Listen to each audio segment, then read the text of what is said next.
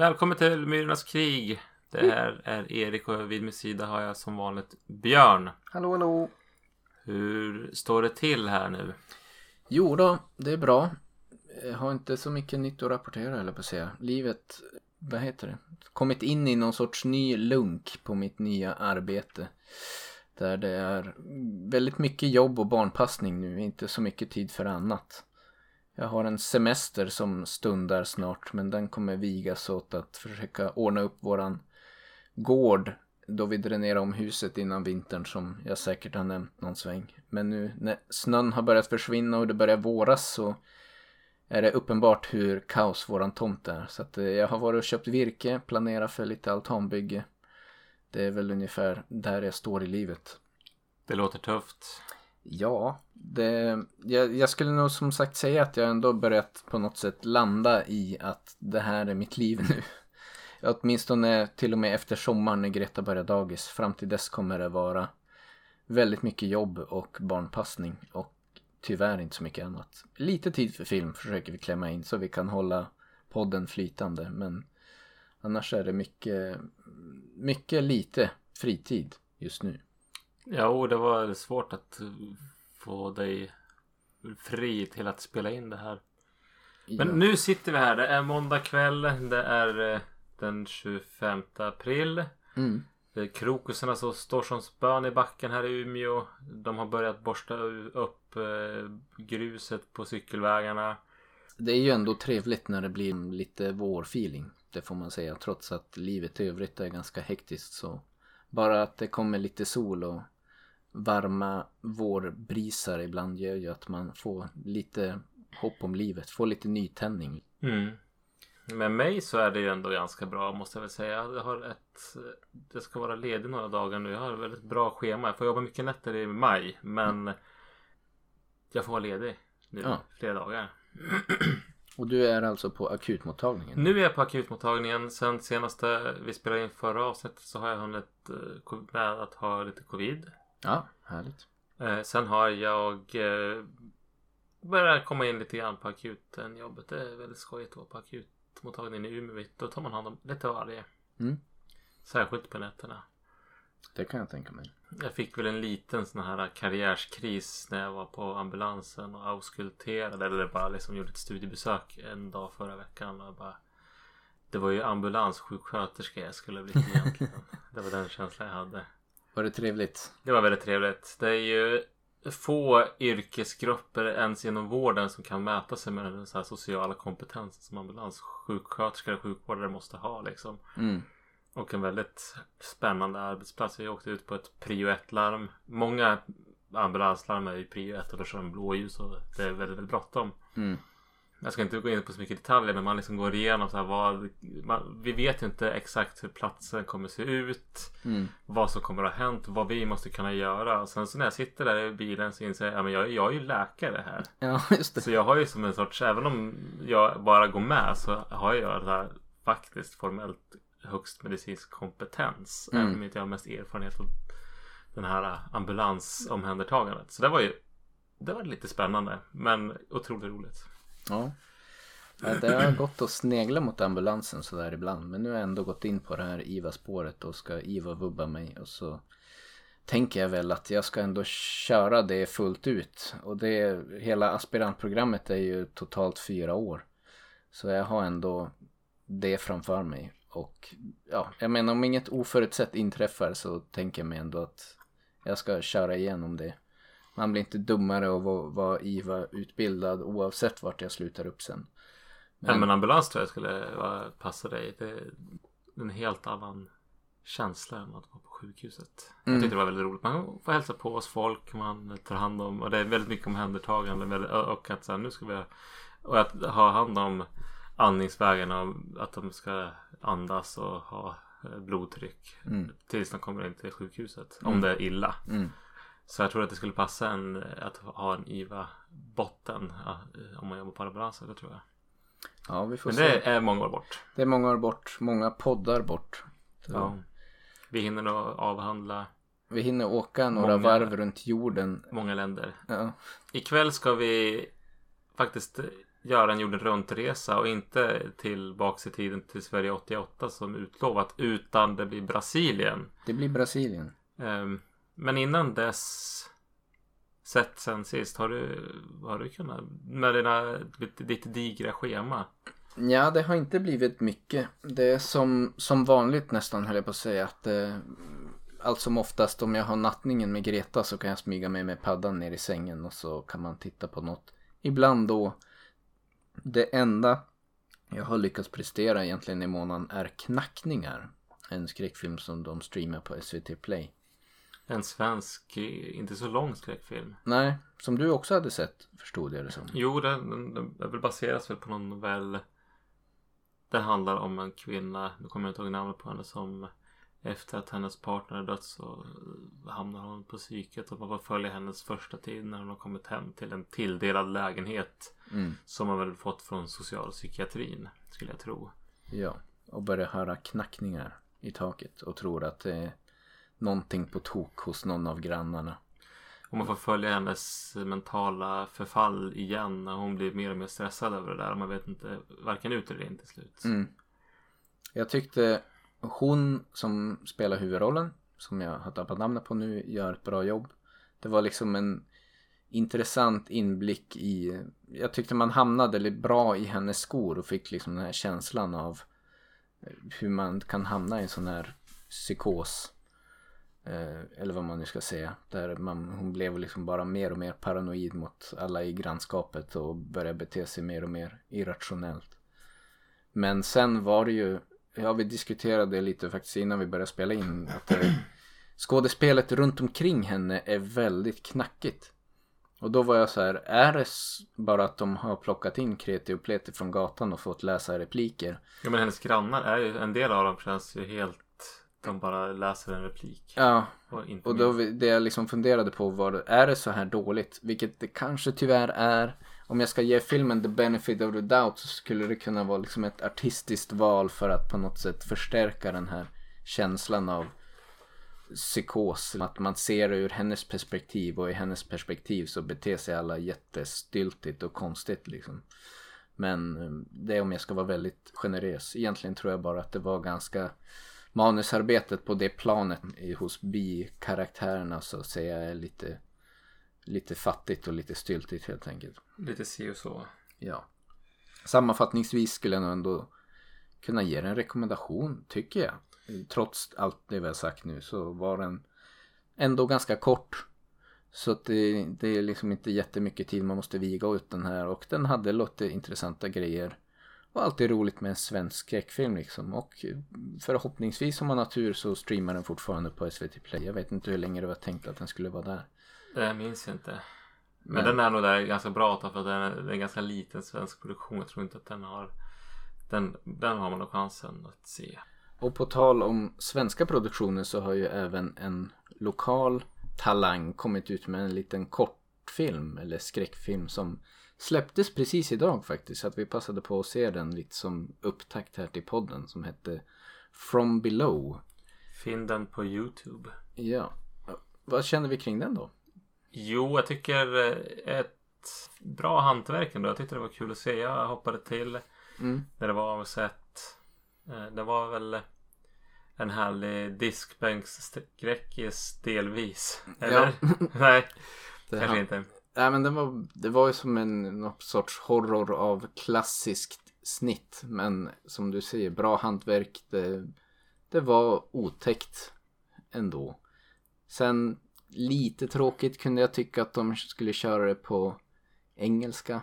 Det hade varit trevligt om man körde på på svenska. Det är som alla i filmen pratar engelska fast man hör ju ganska tydligt att det är svensk engelska. Det blir lite halta på det tycker jag. Och så när man är svensk också och ser liksom miljön är svensk. Det är ju liksom, Inspelat på Haga här i Umeå. ja Haga som är Hagamannen. precis. Och alla svenska skyltar och de är nere i en tvättstuga som är uppmärkt med tvättstuga på svenska. Och så är det som pratar alla med, engelska med varandra. var Det blir lite off. Jag jag tycker att det är väldigt plus att vi befinner oss i bekant, hemtama bekanta miljöer. Ja, så det är väl den, den lilla kritik jag skulle gett. Sen kan jag väl förstå att man gör, väljer att göra det. Då får man säkert en större räckvidd med sitt eh, Mm. filminnehåll. Det kanske liksom är lite så här ett projekt för att ja, men, se, nå ut och liksom visa vad man kan och flexa sina filmmuskler. Som För att- David F Sandberg som gjorde den här Nights Out. Mm. Så det var ju Ja men det var bra. Det var bra. Det är den lilla kritiken jag har. Men jag förstår ändå valet att man väljer att göra på engelska. Jo, ja, men den, funkar, den skulle funka som upptakten, som den så här första scaren i en monster slasher. Mm. Det, skulle, det kunde ha varit ett väldigt bra anslag till en, till en längre skräckfilm typ. Mm. Har du sett något annat då? Ja, men jag tycker att jag, jag har väl några. Alltså, jag fick ju för mig att se I död och lust på, som finns på Netflix. Mm. En norsk film med bland annat Noomi Rapace. Det handlar om ett gift par som ska åka ut till eh, sin stuga. Och eh, ja, det går ut på att mannen tänker döda Noomi Rapace för att han är less på henne. Okej. Och eh, det är en skräckkomedi. Som är, var, är och var rolig att se. Mm. En definitiv rekommendation. Väldigt mycket våld. Okej. Ganska mycket humor. ja. Definitivt eh, sevärd. Mm. Tycker jag. Men jag tycker om eh, att se han som spelar Dag från den där tv-serien. Norska tv, te, komediserien som handlar om en parterapeut. Han är en rolig karaktär. Bland annat. Mm. Jag orkar inte kolla upp namnet. Sen så Jag måste bara nämna ett par stycken till. För jag tyckte att jag, hade som tur här. Jag såg en, jag kan väl ta The Vigil går ju på SVT Play nu fram till slutet på maj. Mhm. Kan jag rekommendera också. Den är ganska ny. En amerikansk skräckfilm som inte är helt olik den filmen Vi. Ja. Som vi såg för ett år sedan. Det här handlar dock om en eh, Brooklyn eh, jude. Du vet den här sekten de här som har långa lockar och hög hatt. Typ ortodoxa judar. Ja men precis. Det, det, det finns något speciellt namn för den sekten. Men han är- det är en sån som har, är avhoppare från den sekten. Men i den här nya världen som icke sektmedlem så har han liksom inte riktigt etablerat sig. Han har liksom så precis fått en mobiltelefon. Han vet ungefär hur den funkar. Mm. Han kämpar med att få ett jobb. Så när han eh, har slutpengar så blir han erbjuden av en li- lite mer uppsatt person i den här sekten att ja, men du kan få sitta likvaka eller vara shomer åt den här Ja nyligen avlidne. Och eh, då utspelar sig den här filmen under de här fem timmarna som man ska ha den likvakan.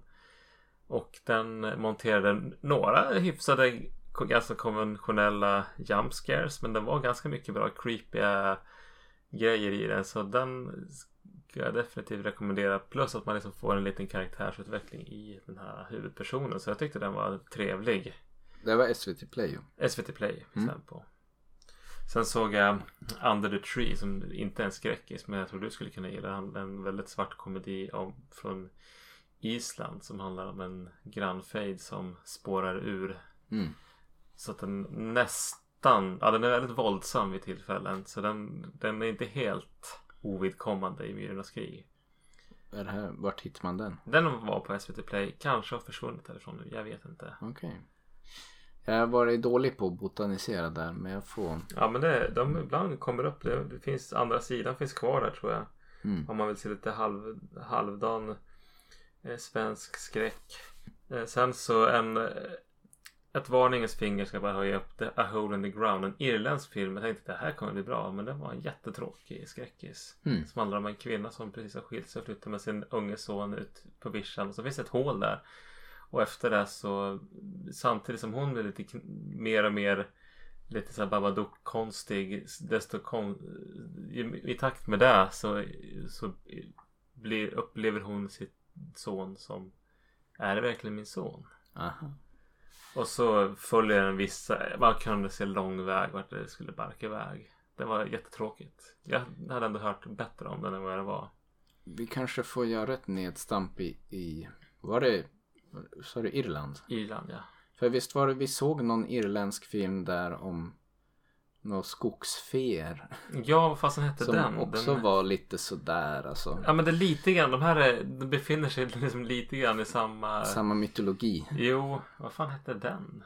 Jag kommer faktiskt inte ihåg. Men det var nog liksom skogsfe-variant fast ondskefulla sådana som invaderar något par som flyttar ut på vischan. Ja, jag kommer ihåg att vi tyckte den var ganska trist. Ja. Ja men, Men måste vi, se. måste vi se de filmerna då? Nej, vi får väl kurera innehåll. Försöka plocka fram några guldklimpar från Det måste ju finnas fina, fina irländska Det tror jag ändå. guldkorn. Absolut. Well, ja men apropå våra jorden runt resor. Vi kanske ska ta och rikta blickarna mot Brasilien. Brasilien. Vi har aldrig varit i Sydamerika på våran, i våran podd Nej, det tidigare. var hög tid faktiskt. Men Men Så det här känns roligt. vi checkar in bagaget och hoppar på flyget till Brasilien helt enkelt.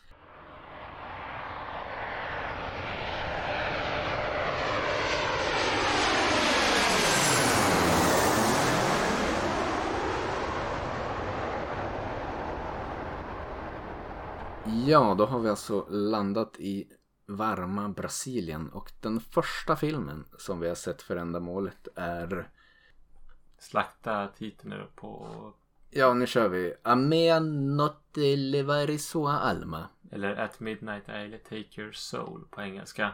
Från 1964.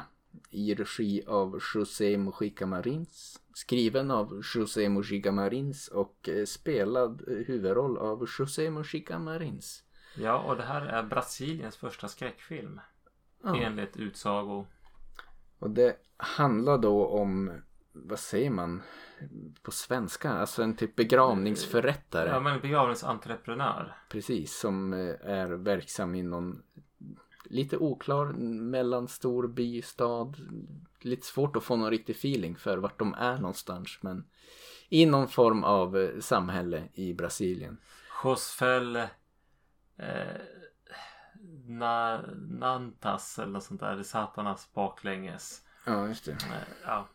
Ja, men han är ju en himla karaktär i alla fall som på något sätt jag vet inte ens riktigt vad man ska säga. Han har någon sorts besatthet om att han ska kunna få en son och föra vidare sin ett med tiden och tycker att livet om man inte kan få något barn är helt meningslös och beter sig också därefter. Är väldigt liksom retsam med lokalbefolkningen. Nästan mobbar alla runt omkring han men det är som att ingen riktigt vågar ge sig på Nej, för han är väldigt elak och han är farlig. Han har ju som någon sorts superkraft. Han blir som Hulken nästan. Ja, det är som att han har Nej, något våldskapital och ingen vågar riktigt sätta sig upp mot honom för då åker man på stryk typ.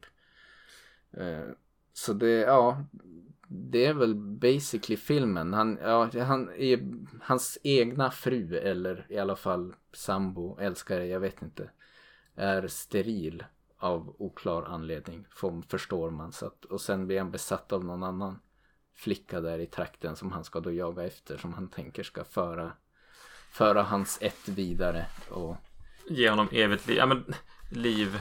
Mm. Och det är väl, eh, om man ska säga, han, han drivs väl av någon sorts här väldigt nihilistisk ateistisk tro. Och Ja. eh, lite grann av det här det är det som är liksom det roliga i filmen eller konflikten i filmen är ju att han bor i något så väldigt katolskt grannskap där folk är så vidskepliga medan han är väldigt ateistisk och det enda, och då gör jag, ja, men, det enda sättet för honom att få evigt liv det är ju liksom att föröka sig och blir besatt av att hitta den perfekta kvinnan. mm, Och när jag läste så är hans backstory eller säga lite grann att han någon gång han blev sviken av den han älskade mest och nu är han så förbittrad. Och mm.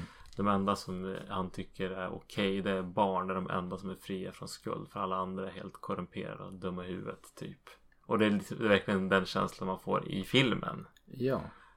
Men vi tar väl och river av det enligt våran S-bar-formula där vi pratar om S för skräck, skrämsel, B för berättelse, A för det audiovisuella och så avrundar vi med en rekommendation. Så att om vi börjar närma oss den här filmen ur ett S-perspektiv, skräck, skrämsel, spänning. Hur kände du kring det i den här filmen? Ja, man får väl ta det lite grann för vad det är. Den här är gjord 1964. Det är brasiliansk film. Jag vet inte hur pass stark filmindustri som fanns. Men det känns som att de inte har riktigt specialeffekterna för att eh, ha så mycket skräck. Men det, det är någon häxa där som springer omkring med en papier-maché-dödskalle. Är det meningen att det ska vara en papier-maché-dödskalle? Eller är det meningen att det ska föreställa någon, en riktig Mm. det tar, förtar ju lite grann. Det blir lite sådär off off-putting och det är också Den, det är ju någon jumpscare där med någon uggla också som egentligen bara lockade fram skratt mer än att man blev rädd för att Jo. så, så B1. och sen hör man någon effekt när det här kanske hör med till audiovisuella men jag tycker att det har med skrämsel när han får såna här Hulken-omvandlingar och blir, får helt blodsprängda ögon som är Mm. så här halvdant klippt och sen så slänger han folk till höger och vänster. Men just att det blir så många sådana där som det blir det blir inte otäckt för att det blir dråpligt. Ja, Men med det sagt så kan jag så, Ja, det där och då kanske var otäckt för de som gick och tittade. Jag tycker ju att den har ju någon scen där när han ger sig på någon på puben och eh, hugger honom i handen med en gaffel eller vad det är. När han slår sönder en vinflaska. Just det, han slår sönder en vinflaska och så tänker man lite så här, is he really gonna do it? Men han går ändå all in och bara Hugger av fingrarna.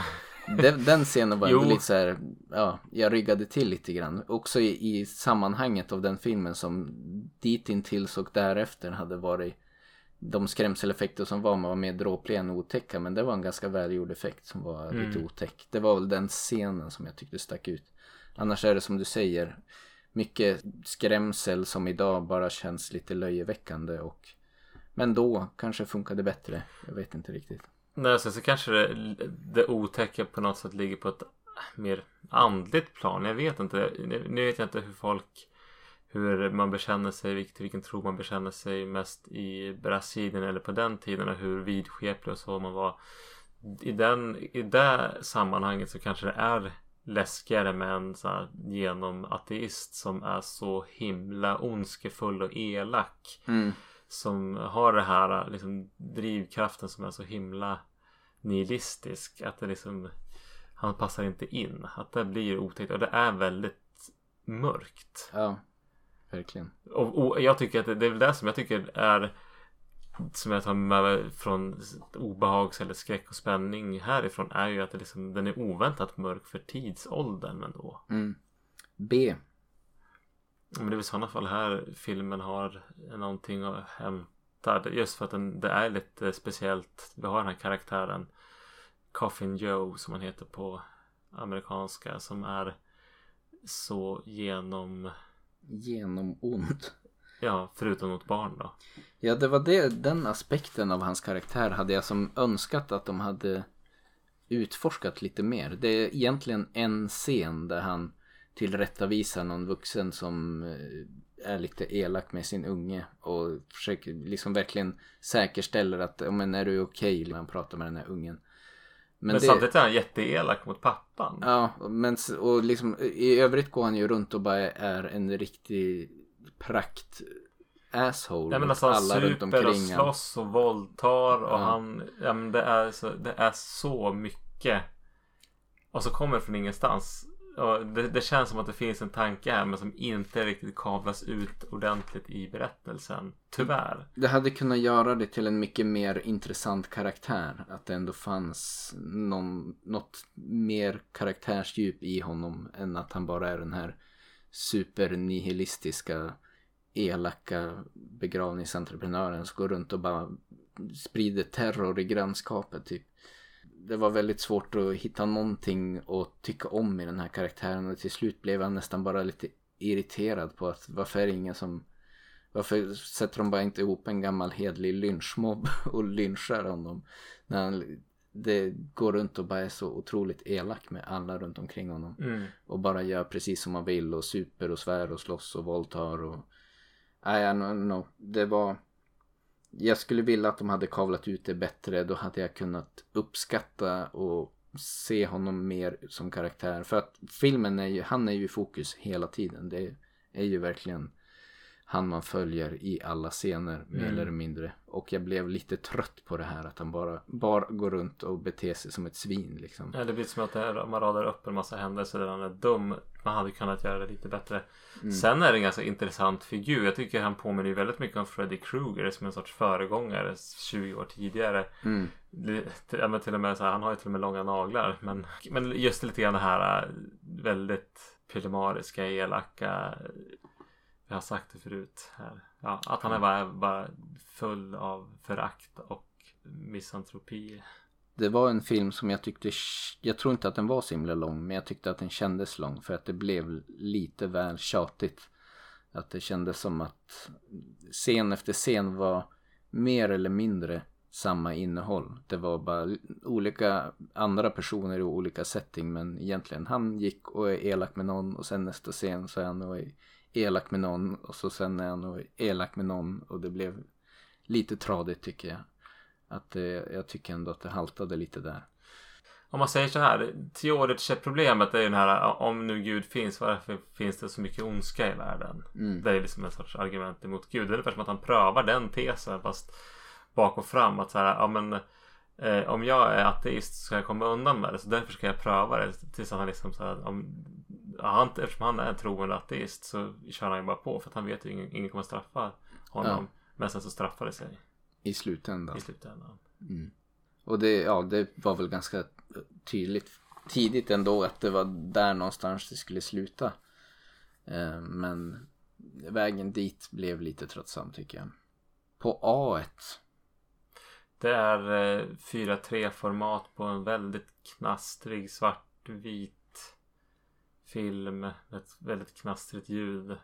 Jag tyckte det var en intressant film att se just ur det perspektivet att det blev väldigt uppenbart hur långt vi har kommit i rent berättarkonsten och hur man strukturerar upp den audiovisuella delen av filmen. För att det var väldigt mycket här som fattades som blev väldigt, man kanske ser andra filmer och liksom inte tänker på det men här var det som så tydligt när det inte fanns där. Och en sak som jag vet att jag anmärkte på tidigt det var att det, det är i princip alltid bara de karaktärer som är i fokus för scenen som pratar som är mickade. Och ingenting annat låter. Att han kunde vara liksom i en barmiljö där man så förväntar sig att ja, men det kommer vara mycket biljud och så vidare. Men man hör bara han prata och eventuellt om han pratar med någon annan person så får man höra vad den personen säger. Men ingenting annat, allting annat är knäpptyst. Det är nästan ingen musik i filmen annat än när man ska markera någonting jättedramatiskt. Så det, när det väl kom lite musik så var det alltid för att poängtera någonting. Men det mm. kanske var fem gånger ungefär. Storleksordningen. Ljuddesignen överhuvudtaget är ju väldigt dålig får man väl säga rent ut sagt. Sen får man väl ha respekt för att det är en väldigt gammal film som gjordes ja, i en annan tid. När mycket av det som man tar för givet idag inte var lika etablerat. Men... Nej men precis. De var nog tvungna att spela in väldigt mycket i studier. Det kändes som att när han gick på kyrkogården där att skulle han bara kliva en decimeter till höger så skulle gravstenarna börja skaka som mm. de brädlappar de var. Den, väldigt mycket den känslan.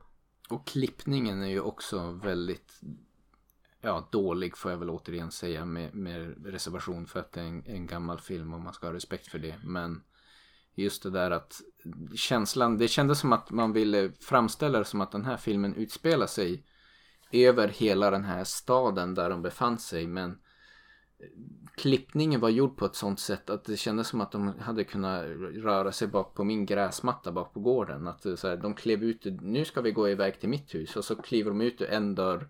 Och så är det direkt liksom hard cut till att de öppnar nästa dörr. Och så är ingen liksom space däremellan. Så att man fick som inte någon känsla av att de förflyttar sig i tid och rum ofta för på Nej, sättet precis. de hade klippt det. Ja men han skulle eskortera någon kvinna från den här baren hem till hennes hus. Mm. Och det låter ju när han pratar på baren om att ja, men det är en bit att gå så det är, det är ju schysst att han ställer upp. Mm. Men så går de ut från baren och sen så ser det ut som att de bara bara behöver gå till tomten bredvid. Då är de plötsligt hos den här häxan som skrattar åt dem. Och sen så går de till nästa tomt som är typ alltså som man skulle gå till grannhuset hos några som bodde i samma radhuslänga. Mm. Så är man hemma hos henne. Ja, då, varför kunde inte du gå hem den här biten själv? Det hade tagit 15 sekunder att gå där. Ja. Den känslan. Precis, och det är ju något som lite svårt kanske alltid att sätta fingret på tycker jag när jag ser film. Men man märker väldigt mycket när det inte funkar. Att det finns nog mycket konventioner i hur man väljer att klippa man måste i film ha, nu för att det, det, ska, liksom, man ska få den här känslan av att nu Det måste de... markeras att det här har skett en, en transportsträcka. Ja.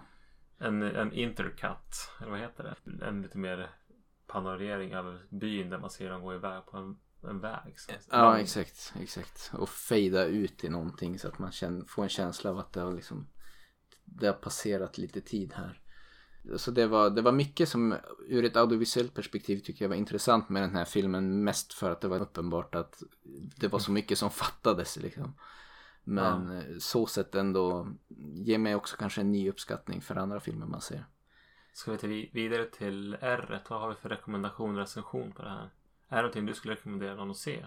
Uh, mitt svar får nog ändå vara nej. Min behållning av den här filmen är lite i relation till andra filmer jag ser. Att man, eh, som jag sa precis när vi avslutade A1, att jag får en liten förnyad uppskattning för hur långt berättarmediet har kommit ändå i manusarbete och i, i sättet man klipper och, och designar ljud för filmer. Det är liksom väldigt mycket små detaljer som går in där som man lätt missar. Men som är väldigt uppenbart att de fattas när de inte finns där. Det är som snöskottningen. Man blir bara förbannad när den inte funkar och när vägarna är skottade och fina tänker man inte på det. Nej. Lite den feelingen. Så att det, nej, jag kan nog inte rekommendera den så. Men jag tyckte ändå att jag hade en viss behållning av att ha sett den. Mer för det filmen saknade än för vad filmen hade. Hur känner du? Men som ren allmänbildning så tycker jag att den kan vara kul att ha sett. Mm. Det är ändå vad jag fattat nu i efterhand. Det är ju lite av en kultskräckis. Så det är ju en kultfigur den här Coffin Joe om man ska använda det engelska uttrycket. Att han har ju figurerat. Det finns en trilogi där han eh, den här karaktären dör i alla filmer och på något konstigt sätt lyckas återuppstå mm. på mer eller mindre krystade eh, maner. Men eh, så det är ju liksom kul att ha sett en av den anledningen och kul att ha sett en brasiliansk tidig skräckfilm. Men det är på den nivån där. Jag, jag känner det var inte så kul att se den. Mm. Och det var inte otäckt och det var inte... Ja, men, sen så tycker jag, det, jag tycker att det är en intressant idé att ha en sån här elak figur. Alltså man, man följer ju honom som nästan som en protagonist fast han är en väldig antagonist. Och det gör det ju lite mer eh, det tycker jag det gör det lite intressantare och att han är så här super och slåss och är så himla dum. Mm. Men det görs inte tillräckligt bra för att jag ska sitta och njuta och få, få någonting utav det mer än att ja, men så här gjorde man redan då. Ja, man behöver inte se den tänker jag. Om man inte är lite nyfiken. Jag har den att låna på det är det. Fair enough. Vi sätter punkt för At Midnight I Take Your Soul där och jobbar oss vidare mot nästa anhalt på resan. Vida? É o princípio da morte. O que é a morte? É o fim da vida. O que é a existência? É a continuidade do sangue. O que é o sangue? É a razão da existência. Mer än 50 år senare ska vi nu landa i The Night Shifter eller Morton of Vala. Mm. Och eh, den är regisserad av Denison Ramalho. Skriven av Dito och Claudia Chauvin och Marco de Castro som har gjort eh, romanförlagan. Mm. Och där får vi följa Stenio som är eh, vad ska man säga, någon bårhustekniker. Rättsmedicinsk assistent kanske. Ja. Så han jobbar på bårhuset. Jag tror att det är i, ja det måste ju vara någon väldigt stor stad i Brasilien. Det spelar inte stor roll vilken. Där de tar emot sådana som har precis dött. Det känns som att han är typ undersköterska eller något. Skulle man kanske vara i Sverige om man hade den yrkesrollen. Ja men precis att han eh, jobbar. Han har den rollen. Han, han är den som preparerar liken. Och han jobbar bara natt. Mm. Och det innebär att de som jobbar natt får man lära sig. De eh, får den här övernaturliga förmågan att liken berättar sina hemligheter. Ja. För den. Och eh, detta jag ska väl inte krångla till det så himla mycket. Samtidigt så har han en ganska trasslig relation med sin fru som verkar... Ja, hon är elak mot honom och eh, otrogen. Mm. Och eh, då använder han en del av de hemligheterna som de döda delar med honom använder han för att jävlas, hämnas. Mm. Och eh, det här straffar sig. Precis. Det räcker nog så. Jo. Och det är väl som en ganska så intressant blandning av lite vad ska man säga, gangsterfilm och spökhistoria och eh, drama. Ja. S. S, ja men där har vi en, ja men liken pratar. Det är en ganska så kuslig effekt. Ja men liken ligger på de här bårarna och så har man som lagt istället för att man har en skådespelare som ligger där och pratar så har man ungefär filmat skådespelaren när den är helt stillasittande så har man gjort någon sorts CGI-effekt som får att se jäkligt märkligt ut när man Mm. pratar. Det, det är lite grann, det är som att munnen och ögonen är inspelade separat och inklippt på liket typ. Så att det ser väldigt konstigt ut. Det ser väldigt dött ut men det rör, läpparna rör sig. Ja. Det var en bra effekt. Jag gillar att de ändå så här överstökar det omgående. De gör som ingen grej av det. Att det han bara pratar med finns döda. där. Det är som början. bara självklart att jobbar man natt på bårhuset så pratar man med de döda.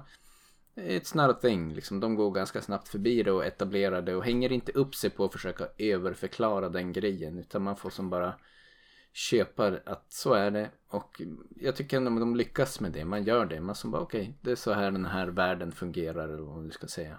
Och så hänger man som bara med på resan. Men den själva prata med döda effekten är otäck. Sen gör de ju inte någon stor otäck grej av att han kan prata med de döda. Utan, för han är ju det som vardag. Mm. Sen så blir det ju lite var filmen lider så blir det ju mer och mer av en spökhistoria där han hemsöks. Och det blir ju ganska så ja, men, sedvanliga jump scares. Kommer ett par stycken. Som, någon som fungerar bättre, någon som är lite jaha. Men Mm. helt okej. Mm. Vad finns det mer? Det är ganska våldsamt och gory emellanåt. Ja, det är det väl. Jag tycker som, som du, de skruvar ju upp temperaturen ändå ganska långsamt. Som jag tycker är, det är som Jo. ett trivsamt tempo. Eh, Jag uppskattar ändå att de inte liksom kör pang på alla spök, eh, spökerier direkt. Utan det, det byggs upp ganska långsamt. Det går lite från det, okej han pratar med de döda, det etableras direkt. Men sen är det lite som du säger, relationstrassel. Han dras in med några gangsters och det blir Eh, stök mellan frun och så vidare när han ska hämnas det. När han slutar upp med ensam vårdnad om sina barn och ska försöka klara nattskiftet och bolla och ta hand om två ungar hemma samtidigt. Och sen börjar det spöka lite grann, lite så. Så att det, den har som lite olika delar av filmen. Att det är mer skräcken av traditionellt snitt om man säger så. Då kommer mer mot den tredje, tredje delen av filmen. Ja men, tre, det, ja, men tredje akten. Sen Mm. är det liksom i mitten över någon sorts. Ja men när det börjar Mm. dra ihop sig. Ehm, så ja, kanske inte jätteläskigt genomgående så, men den hade några okej scares. Det var ju spännande om vi ska sätta in spänning under S Absolut, den här var ju mer, mer spänning och slow burn var väl, och det tilltalade mig väldigt mycket. Mm. Sen var det någon rolig tv-scen. Det är det, det som man får följa liksom lite brasiliansk tv. Det var något så här något Ja men tänk, jag vet inte vad det vad man ska säga men låt säga typ den brasilianska varianten på Vad fasen heter det? Det övernaturliga? Mm. Det- Någon som använder det någon, någon person som är besatt. Och så har vi en annan person som sitter och tittar på det här tv-programmet och helt plötsligt så börjar den här personen i tvn prata med den som tittar på tvn. Mm. På, ja men sånt där gillar jag. När det blir lite, ja. När det är okej gjort. Och det tyckte jag det var här. Nu spoilade jag den scaren. Men, ja men lite mer så här andra som kommer, andra sorters eh, creepyheter som kommer farande än bara att man kan känna nu att de bygger upp en jump scare på ett, det händer vid något tillfälle men inte bara sånt. Ja. B. B tycker jag det är ändå en av de ja, det är den styrkan i filmen som liksom, det var en berättelse som jag gillar att man inte håller på och krånglar till det med varför liken pratar, inga förklaringar på det. Det är bara någonting som finns där för att etablera att det, men det här är lite ja, ja, Först tänkte jag att han har blivit knäpp så det var ju liksom ändå intressant. Är det på riktigt eller är han knäpp? Och sen så får Mm. man ändå liksom vad det lider ganska ja, men ändå hyfsat snart. Ja, men han Det här är på riktigt. Mm. För de säger saker till honom som man, han sen verifierar. om Man ska säga. Men att man använder dem som en sorts katalysator till berättelsen. Och, men, och skräms inte så mycket med det. Utan det är tillräckligt creepy med hur man har gjort den här effekten. Men sen så är det det som driver historien. Vi, alltså det, det används på ett väldigt bra sätt för att driva det framåt när det behövs. Fokus för historien är väl egentligen hans familjeliv liksom någonstans. Hur han är missnöjd med sitt förhållande. Kommer på den här stökiga planen för att hämnas på sin fru som straffar sig i slutändan och sen fastnar i det här svåra läget där han måste försöka ta hand om sina barn ensam. Och det är mycket där kring berättelsen kretsar och som du säger, det, och så pratar han med de döda men det är lite mer av en parentes nästan i sammanhanget. Ja, det är som det, de, de finns där för att där det ramar in den här skräckberättelsen. Nej men det, för det är ju, jag blir väldigt engagerad. Men han har ju den här otrohetsaffären som hans fru håller på med. Är, hon är väldigt elak och kör med honom och bara klagar hela tiden på honom. Mm. Så finns det någon där på kaféet där han går och tar, tar sig sin Ja när han gått av sitt kvällsskift så går han lite och tar sig en eh, hurring Mm. för, innan han går hem. Och där finns det en som jobbar i baren som Lara. som verkar ha ett ganska gott öga till honom. Och som, ja men liksom de har, man får liksom följa de, deras relation och man känner, man, jag, jag verkligen hoppades att Ja men shit här henne hoppas att han, de verkar ändå ha någonting på gång här Mm. liksom, som kan bli någonting. Men sen så har vi alla de här spökerierna som sätter käpparna i hjulet för det. Att, att, att det verkligen fanns, jag kände mig engagerad i den. Ja. Det här stickspåret eller vad man ska säga. Det är ju en karaktär som jag hejar på. Men sen är det ju som att han lite grann lägger krokben för sig själv. Man, hela filmen igenom. Jag tycker det är spännande. Det är välskrivet. Han spelas bra. Lara, den här bikaraktären, spelas väldigt bra. Man liksom hoppas på ett lyckligt slut för de här två. Men han, Han kastar bort det. han, kastar, han lägger krokben på sig själv längs vägen. För han bryter de här oskrivna reglerna som gäller när man jobbar på bårhuset. Man får inte Man får sprida. inte nyttja de hemligheter man hör från de döda till sin fördel. Eller kanske egentligen alls. Och det är också sånt där, de etablerar liksom lite de här spelreglerna och man får som bara köpa det och gå vidare. Och kan man göra det så tycker jag man... En väldigt fräsch, det kändes liksom fräscht, det kändes som något nytt. Det var spännande, det var engagerande, jag var positivt eh, överraskad. Men visst använder han de här likens hemligheter någon gång? Alltså ibland så hjälper ju liken honom att ta reda på vem man ska ringa till. Ja, jo. Så alltså använder man det till något gott så är det okej. Mm. Men man får inte använda det för själviska ändamål. Typ. Nej, utan du, det är bara till för att ja, men jag ska ringa och berätta att den här personen har gått bort. Mm. Då. Ja, ja men här tycker jag om man ska jämföra med den förra filmen. Här har vi, eh, ser man ju vad att den här filmen kanske inte alls har så mycket högre budget i förhållande till andra kontemporära filmer jämfört med vad den här At Midnight I'll Take Your Soul. Men Mm. det känns ju ändå som att det är en helt annan film. Förstås, den är mycket, mycket yngre. Men det är som digitalfoto som är ändå okej. men jag tror att det gör att det är mycket billigare att göra film. Ja. Och ändå göra det okej. Och det, de använder drönare mycket utomhus. Och man får ju som en, verkligen en känsla av att man befinner sig i en stad på, i, en- i en annan kontinent.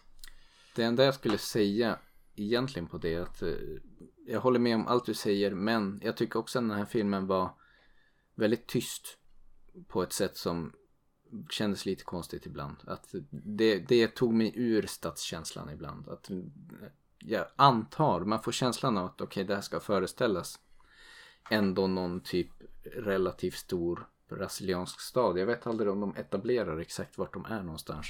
Men man föreställer sig att det måste leva om som fan. Det är poliser och ambulanser och liksom allt möjligt sånt borde det vara. Men det är, Det är nästan aldrig något tyst. Förutom eh, ja, för vad som är i fokus i scenen då. Så det, det är liksom inte så mycket ljud runt omkring. Så det var väl min lilla kritik kanske på det audiovisuella planet. Men annars tycker jag att det är väldigt bra. Och som vi redan var inne på i skrämseldelen så den här specialeffekten som är egentligen en ganska enkel effekt tror jag att göra. Men som de gör med de här liken när de mer klipper in en mun och ett par ögon på ett lik som ligger där är ju en enkel men väldigt effektiv creepy effekt som de nyttjar på ett bra sätt i den här filmen.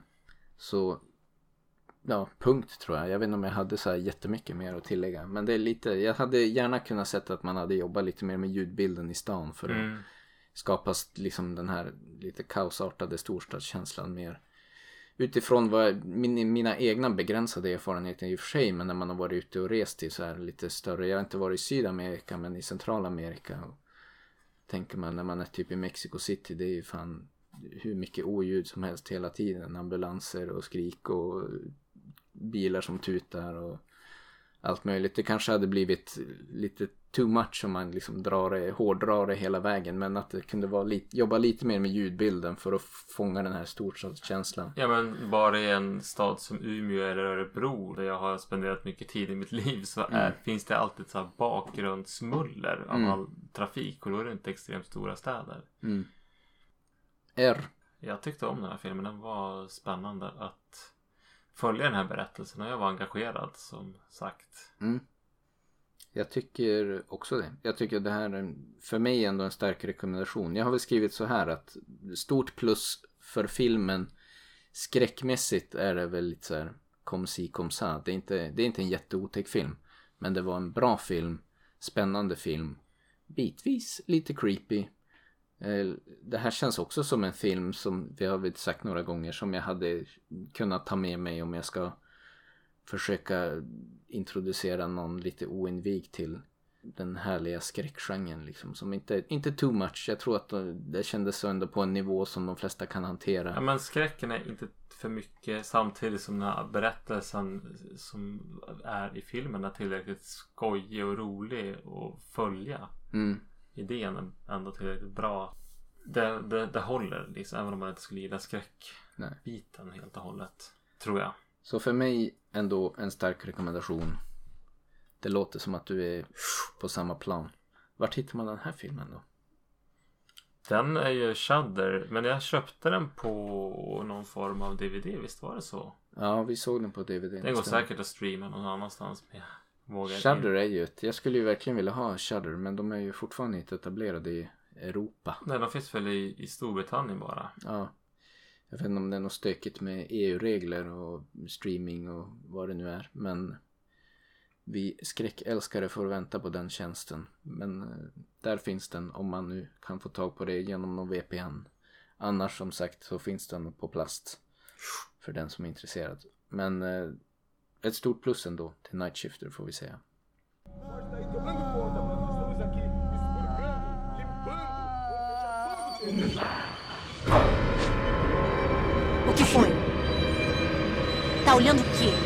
Och hur känner vi av, avslutningsvis då kring Brasilien som resmål? Jo, men jag tycker att det var trevligt. Det hade varit kul om vi hade kunnat klämt in lite brasiliansk mat. Men det har inte riktigt... Tiden räckt till. Nej, det var ett väldigt spännande kök. Det är som blandat japanskt med europeiskt med latinamerikanskt med... Ja, allt möjligt. Afrikansk mat. Vi kanske får ta det... I samma maträtt. Ja, vi får ta det för våran egen skull utanför podden. Så Annars kanske... brukar vi försöka käka lite grann. Men vi... det här Polen-avsnittet var ju väldigt goda de där mm. pizzabaguetterna. Jo, nej, som det blev nu i månaden och tyvärr kanske kan komma att bli lite beroende på hur framtiden utkristalliserar sig så är det som sagt begränsat med tid. Nu trodde jag att jag skulle ha det lite lugnt i veckan när jag insåg att nej, måndag kväll är tror jag enda tiden som funkar och det är egentligen mellan två arbetspass nu som vi sitter och spelar in. Så det var, det var den tiden som fanns, det var den tiden vi fick ta. Så får vi försöka, om vi har tid, återkomma med någon brasiliansk matkväll oberoende av podden kanske sen bara för att det verkade som ett intressant kök. Jo, sen filmmässigt har jag inte kollat så mycket mer men det finns ju flera uppföljare på Coffin Joe-serien då. Mm. Om, men det tror jag jag inte behöver. Han har ett karaktäristiskt och bra utseende och lite häftigt uttryck. Och den här personen José Marin eller vad han hette. Mm.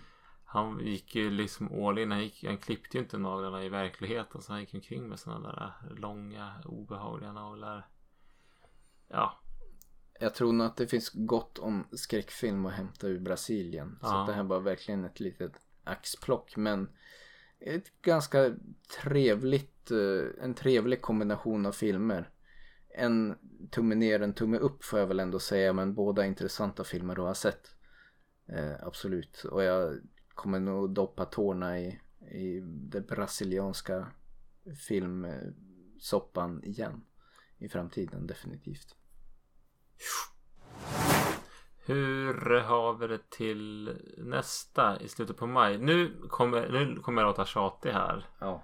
Men eh, då kommer det bli om inte allting går åt helvete. Men jag tror det är en del faktorer som måste klaffa.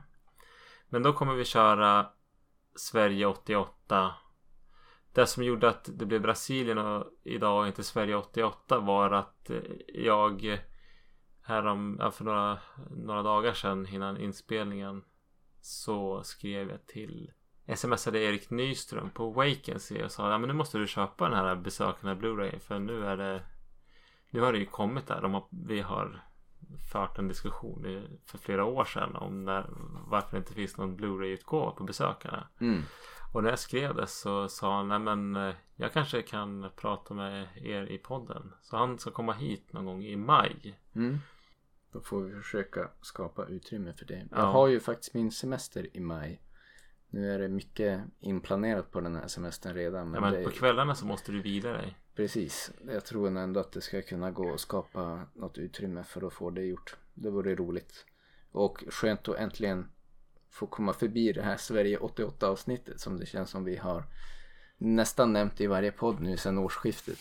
Den Jo. har legat i the pipeline too long. Jag har Nu pratat bara- om den, jag har längtat, du har tröttnat på det och alla lyssnare kommer inte se eller kommer inte att lyssna på det där avsnittet för att det är ingen som har Det, det är det är överspelat nu. som jag. Ja, Nej men det blir roligt, absolut. Det ser jag fram emot. Jo, så till besökarna så får vi vara första besökare. Så, så kommer vi köra Månguden också. Om vi inte redan har nämnt det tusen gånger. Men det kanske är någon nytillkommen lyssnare här som inte har hört det. Då gör det väl ingenting att vi gör lite reklam för det här avsnittet. Som jag ändå i alla fall inför det har varit mycket peppad på. Sen så tycker jag Polen-avsnittet var ju rätt så... Mm, Det är roligt, roligare än jag hade väntat mig. absolut. Jag tycker Brasilien har varit ett roligt resmål också. Sen vet man aldrig riktigt förrän podden är klippt och skuren hur slutresultatet poddmässigt blev. Men jag tyckte det var ett eh, roligt nedstamp på våran eh, lite semi-regelbundna resa runt jorden i den här podden. Jo, och så fick vi göra en Umeåresa till en tvättstuga på Haga och Uncanny Pictures from below. Mm. Den kan man ju också passa på att se. Den finns på Youtube. Ja. Det är bara att söka upp. De har gjort flera filmer tror jag. Kortfilmer mest. Så ja, vi får väl säga på återseende då. Med Sverige 88 om en månad. Och till dess så får ni hålla till godo och njuta av vårsolen så gott ni nu kan. Godnatt. God natt. Skibbidi-bop!